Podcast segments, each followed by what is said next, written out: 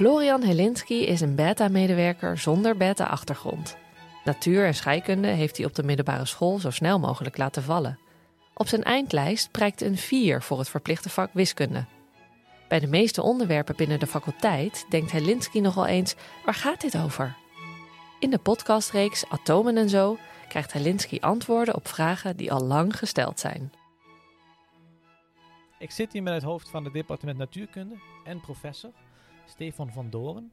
Ehm, je begrijpt natuurlijk dat ik hier met knikkende knieën zit, uh, want ik heb heel weinig natuurkunde gehad. Um, en op jouw profiel staat uh, dat jouw leeropdracht de string theory is. Daarnaast geef je het vak zwarte gaten. En um, mijn enige kennis van zwarte gaten beperkt zich eigenlijk tot de film Interstellar van Christopher Nolan uit 2014. Mooie film. Ja, oh ja wat uh, vond je van die film? Ja, is leuk. Ja, erg leuk. Uh, er zit heel veel wetenschap in. Er zijn ook wetenschappers die geholpen hebben om het script te schrijven, om de, de animaties te maken. En uh, heel veel van die animaties zijn echt gebaseerd op wetenschappelijke data en berekeningen. En er is ook een boek, The Physics of, of the Science of Interstellar, die geschreven is door Kip Thorne. En daar gebruik ik wel deeltjes van in mijn college ook. Uh, en dus uh, ja, ik heb de film goed, goed bekeken en het boek ook gelezen, ja. ja. Want uh, Christopher Nolan is nu in de bioscoop met Oppenheimer. Het gaat over een andere natuurkundige. Ja, ik, ik kan niet wachten om de film te gaan kijken. Volgens mij gaat hij morgen of overmorgen in première hier in Nederland. En ehm, ja, het is een geweldig verhaal over Oppenheimer, het Manhattan-project. Ook de fysica die hij gedaan heeft. ze leven in Princeton. Uh, ook zijn connecties met Nederland. Uh, en uh, ja, ik ben benieuwd naar de film, dus uh, ik ga alvast kaartjes reserveren vanavond. En wat, wat waren zijn connecties met Nederland? Ja, hij heeft een tijdje connecties gehad met Leiden en ook met Utrecht. dat las ik eigenlijk pas onlangs in, in, een, in, in, een, in een blaadje. En ehm, ik weet er eigenlijk niet zo heel veel van, buiten dat hij hier wat colleges heeft gegeven. Je moet natuurlijk weten dat uh, in Nederland heel veel kennis was over de kwantummechanica, de atoomtheorie, atomen en zo. Uh, en, en dus het lag wel voor de hand dat er goede connecties zouden zijn tussen um, Nederland en de Verenigde Staten. Einstein is ook een tijd in Nederland geweest. Hebben we proberen naar Leiden te halen ook. Uh, dus heel veel van die grootheden rondom de kwantummechanica, relativiteitstheorie en zo, hebben allemaal wel eens stopovers gemaakt uh, in, in Nederland. Uh, ja, het is best een rijke, interessante geschiedenis. Ja. En, en waar komt jouw interesse van die natuurkunde vandaan? Ja, het een beetje een cliché verhaal. Begon toch weer als jongetje, uh, 14, 15 jaar. Je kijkt naar de sterren, wat is het allemaal? Uh, je blijft afvragen van, ja, wat doen die sterren? Waar komt het vandaan? Uh, hoe werkt dat heelal? Wat is die oerknal? En uh, stilaan kwam het besef dat als ik die grote vragen wilde gaan beantwoorden, dan, dan moest ik natuurkunde gaan studeren. En ja, dat ben ik eigenlijk nog altijd aan het doen. en uh, heb je al wat goede antwoorden gekregen op een aantal vragen die je had als kind? Ja, die grote vragen die, die, die liggen er eigenlijk nog steeds. Daar hebben we wel deelprobleempjes of deelvragen van opgelost. Uh, en, uh, maar het blijft een, een zoektocht van uh, ja, wat, hoe is die oerknal ontstaan? Wat gebeurt er in het binnenste van een zwart gat? Um, en um, wat, wat is de theoretische beschrijving daarvan? Dat gaat dan meer richting mijn vakgebied. En um, daar wordt nog volop aan gewerkt. Uh, ja. En wat bedoel je met theoretische beschrijving? Dat het jouw vakgebied is? Ja, ik ben theoretisch natuurkundige. en uh, wat je probeert te doen met theoretische natuurkunde is een, uh, een bouwwerk te maken. waarbij je de wiskunde gebruikt om dingen te berekenen, voorspellingen te maken of dingen te begrijpen. Uh, soms uh, kom je ook in een gebied waarbij je niet zo makkelijk experimenten meer kan doen, maar alleen nog maar de wiskunde hebt. En dan word je eigenlijk alleen gedreven door de mathematische eigenschappen. Omdat je het niet kan reproduceren in een lab. Ja, ga maar eens metingen doen aan de oerknal. Ja, ja. Dat, dat is niet zo makkelijk. ja. Um, we kunnen wel wat terugkijken in de tijd, maar niet helemaal tot aan de oerknal. En, en uh, je had het net over uh, grote vragen, dat jullie kleine deelproblemen proberen op te lossen en daar wel antwoorden op vinden. Is er een bepaalde vraag die je hoopt uh, nog te kunnen beantwoorden? Ja, ik hoop toch een beetje beter te begrijpen wat, er, wat die zwarte gaten nou precies zijn. we weten dat zwarte gaten kunnen ontstaan eh, wanneer grote sterren, typisch groter dan de zon, imploderen. Eh, en dat wordt dus makkelijker gezegd dan gedaan. Eh, en dat betekent eigenlijk dat alle materie opgesplitst wordt uh, in kleinere uh, deeltjes. Zeg maar. De atomen worden zeg maar, in elkaar geperst. Mm -hmm. het sluit goed aan bij de titel van de podcast hier, ja. atomen en zo. Het gaat vooral om de en zo. Wat zit er ja. nog op kleinere schaal? Waar zijn die atomen nog uit, uit opgebouwd? We weten dat er een atoomkern is en binnen die kern zitten er ook nog kleinere deeltjes, die heten quarks. En de vraag is, waar, waar eindigt dat? Is er een soort ultiem klein bouwsteentje, deeltje, waaruit alles is opgebouwd. En hoe hangt dat nou samen met die zwarte gaten? Die zwarte gaten, die, die, er is zoveel zwaartekracht dat alle materie tot die allerkleinste bouwsteentjes waarschijnlijk wordt uh, uh, ja, um, uh, samengesteld. Dus de, de, de ster implodeert en alle materie wordt dan uit elkaar gerokken totdat je alleen die kleine, ultieme kleine bouwsteentjes hebt. En wat die bouwsteentjes precies zijn, dat, dat weten we nog niet. En die, die vraag hoop ik misschien ooit nog te kunnen beantwoorden. Wat is nu het kleinste deeltje? De naam van het kleinste deeltje? Ja, dat is er niet één. Dat, zijn er, uh, dat is een hele familie van twaalf deeltjes. Die, die, gaan mooi in een theoretische beschrijving, heet het standaardmodel. Maar die bestaan uit uh, quarks uh, enerzijds. en dan heb je ook nog deeltjes die heten leptonen, een technische naam. Maar het bekendste deeltje is het elektron. Uh, elektron wordt ook gebruikt voor elektrische stroom. Uh, en dat, dat heeft natuurlijk veel praktische toepassingen. En men vermoedt dat je een elektron niet meer kan opknippen in twee kleinere deeltjes. Dus tot op heden, de stand van zaken, is dat we zo een aantal, stuk of 10, 12 deeltjes hebben. Die quarks binnen de atoomkern, waaruit protonen en neutronen bestaan. Uh, in een proton is een bolletje en daar zitten drie quarks in. Er zit ook nog wat lijm in, okay. uh, om, de, om de boel bij elkaar te houden. Uh, maar als die zwaartekracht zeg maar, zo sterk is, dan gaat hij toch die protonen uit elkaar trekken, de neutronen ook. Uh, en dan krijg je de quarks komen dan tevoorschijn. En de vraag is of die quarks ook nog verdere structuur hebben. Uh, bolletjes waarin nog weer iets anders zit. Het is eigenlijk een soort gewoon Lego-bouwdoos. Ja, ik, ik, doe een beetje denken aan die Russische poppetjes, waar dan steeds ja. zo'n kleine poppetje in zit. Ja, ja, ja, en de vraag is... Uh, toch? Ja, de, zo heet het inderdaad. Ja, dat is, dat is het idee. Dus we gaan eigenlijk... Uh, een deel van de natuurkunde is, is dat je probeert zeg maar, de ladder af te gaan naar ja. steeds kleinere en kleinere uh, bouwsteentjes. En de vraag is, eindigt dat ergens? Of kan je maar bij, blijven knippen? Ander deel van de natuurkunde is net omgekeerd. Gegeven de Lego-bouwsteentjes of de matrushkas, wat kan je er vervolgens mee doen? Hoe kan je met die kleine bouwstenen een wereld maken, een heelal maken waarin we nu leven? Hoe, is dat allemaal gekomen? Dat, dat zijn de grote vragen eigenlijk. Dus uh, we kennen de spelregels nog niet heel goed, we kennen de bouwsteentjes niet heel goed en dat is de zoektocht die mensen in mijn vakgebied uh, proberen te ja, beantwoorden. En dan wil ik even een fragment laten horen. Um, kleine quizvraag. Um, ook voor de mensen die dit luisteren. Uh, wat horen we hier?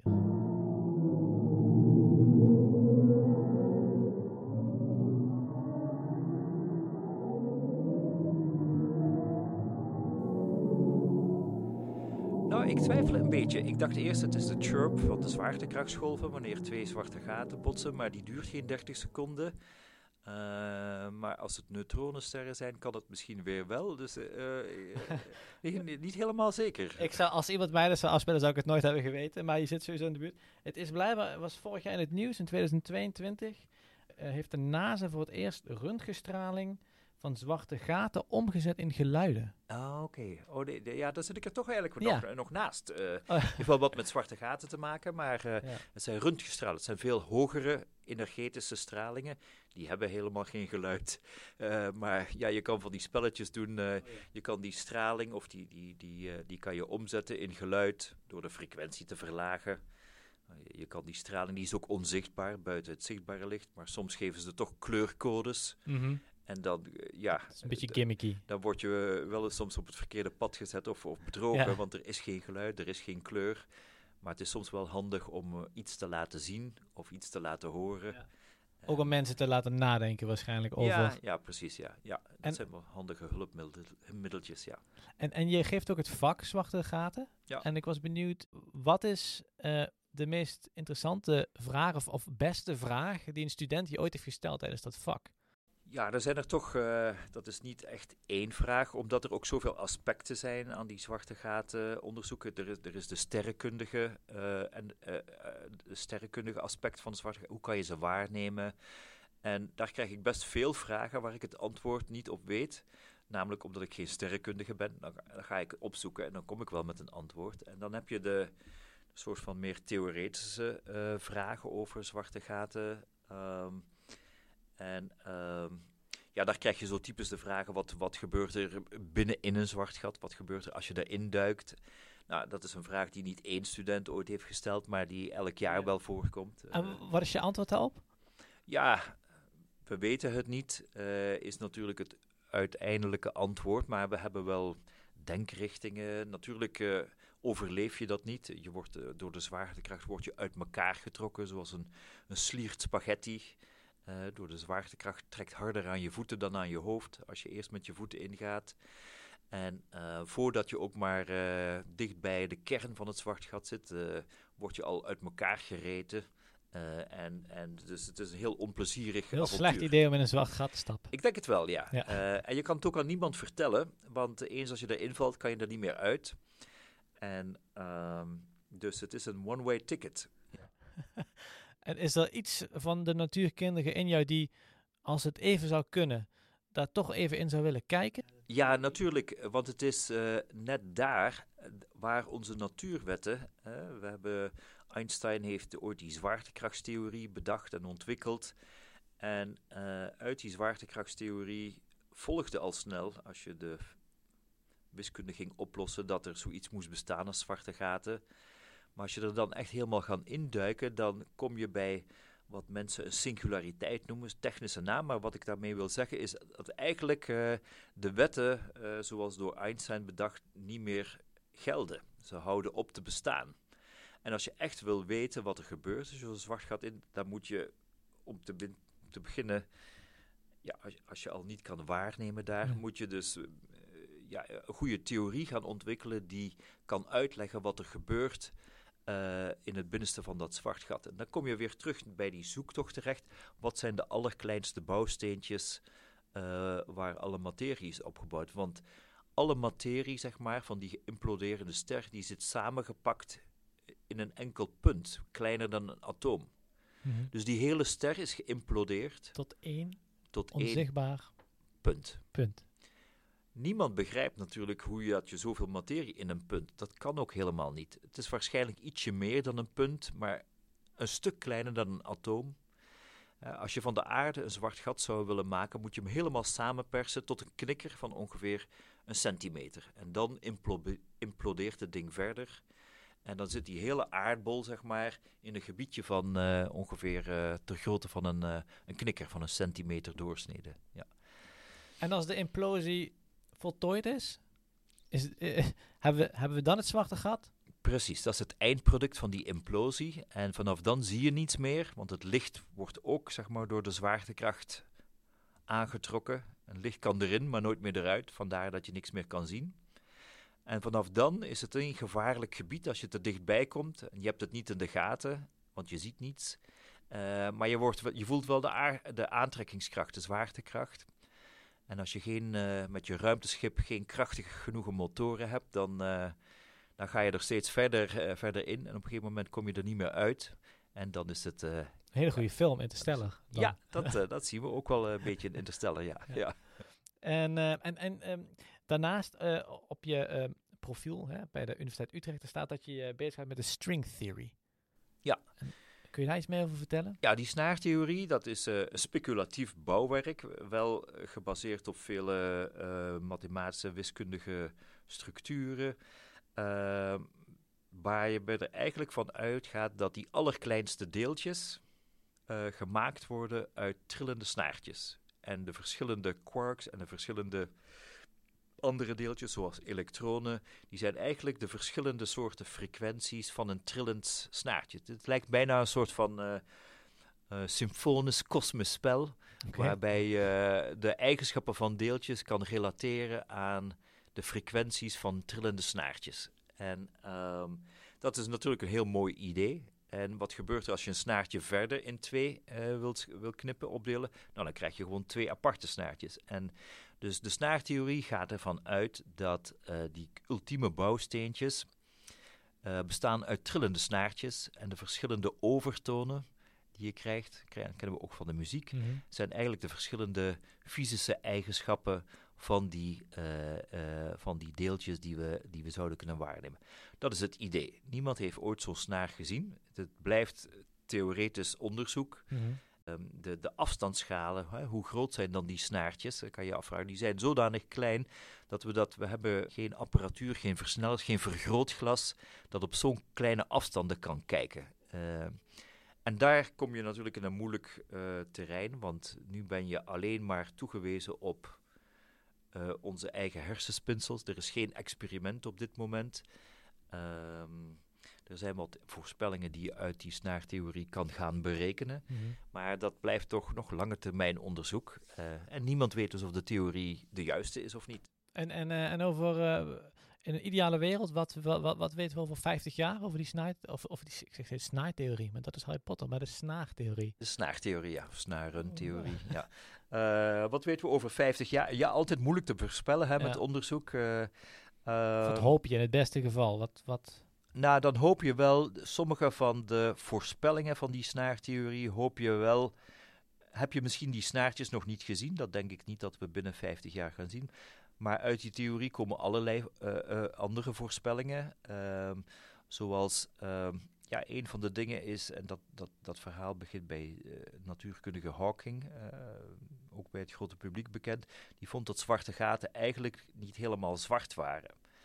En die kunnen veranderen van kleur, want ze gaan verdampen, ze gaan kleiner worden. En dan, net zoals een, een stuk kool, dat als het temperatuur heeft, kan het van kleur veranderen. En dat proces, dat kunnen we misschien wel uh, uh, goed beschrijven met die snaartheorie. En misschien kunnen we ooit die Hawking-straling, zeg maar, dus het stralen, het veranderen van de kleur van zwarte gaten, misschien kunnen we dat nog wel ooit gaan zien. Hmm. Uh, en dat is heel spannend. Ja. dan heb je niet de snaartjes gezien, maar wel een soort van afgeleide daarvan. Ja. En dan weet je dat je op het goede spoor bent. Ja. Wat zijn dingen die je nu uiteindelijk in je carrière al hebt bereikt, waarvan je je kleinere zelf zou kunnen overtuigen van wow, dit, dit, dit ga jij doen als je voor natuurkunde kiest? Ja, dat is een moeilijke vraag.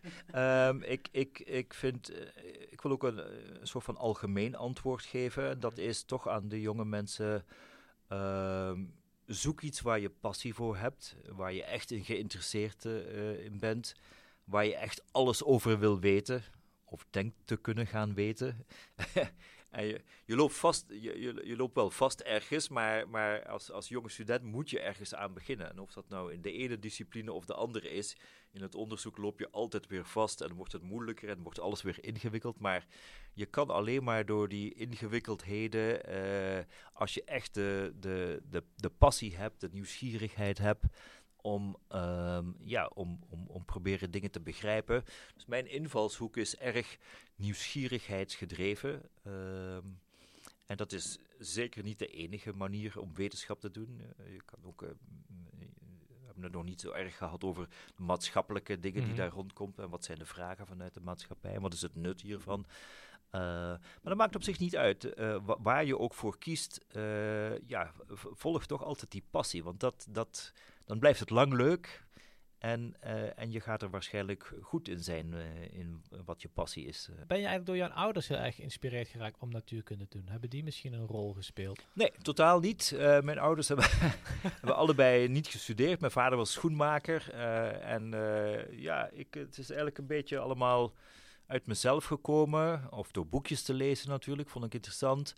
Uh, uh, ik had wel eens ooit een boek gekregen over ruimtereizen. En daar las ik dan in dat je sneller dan het licht kon. En toen dacht ik van, oh, wat is dat allemaal? En van het een kwam het ander. Uh, wel belangrijk om te zeggen dat de ouders wel altijd gestimuleerd hebben en de kans hebben gegeven.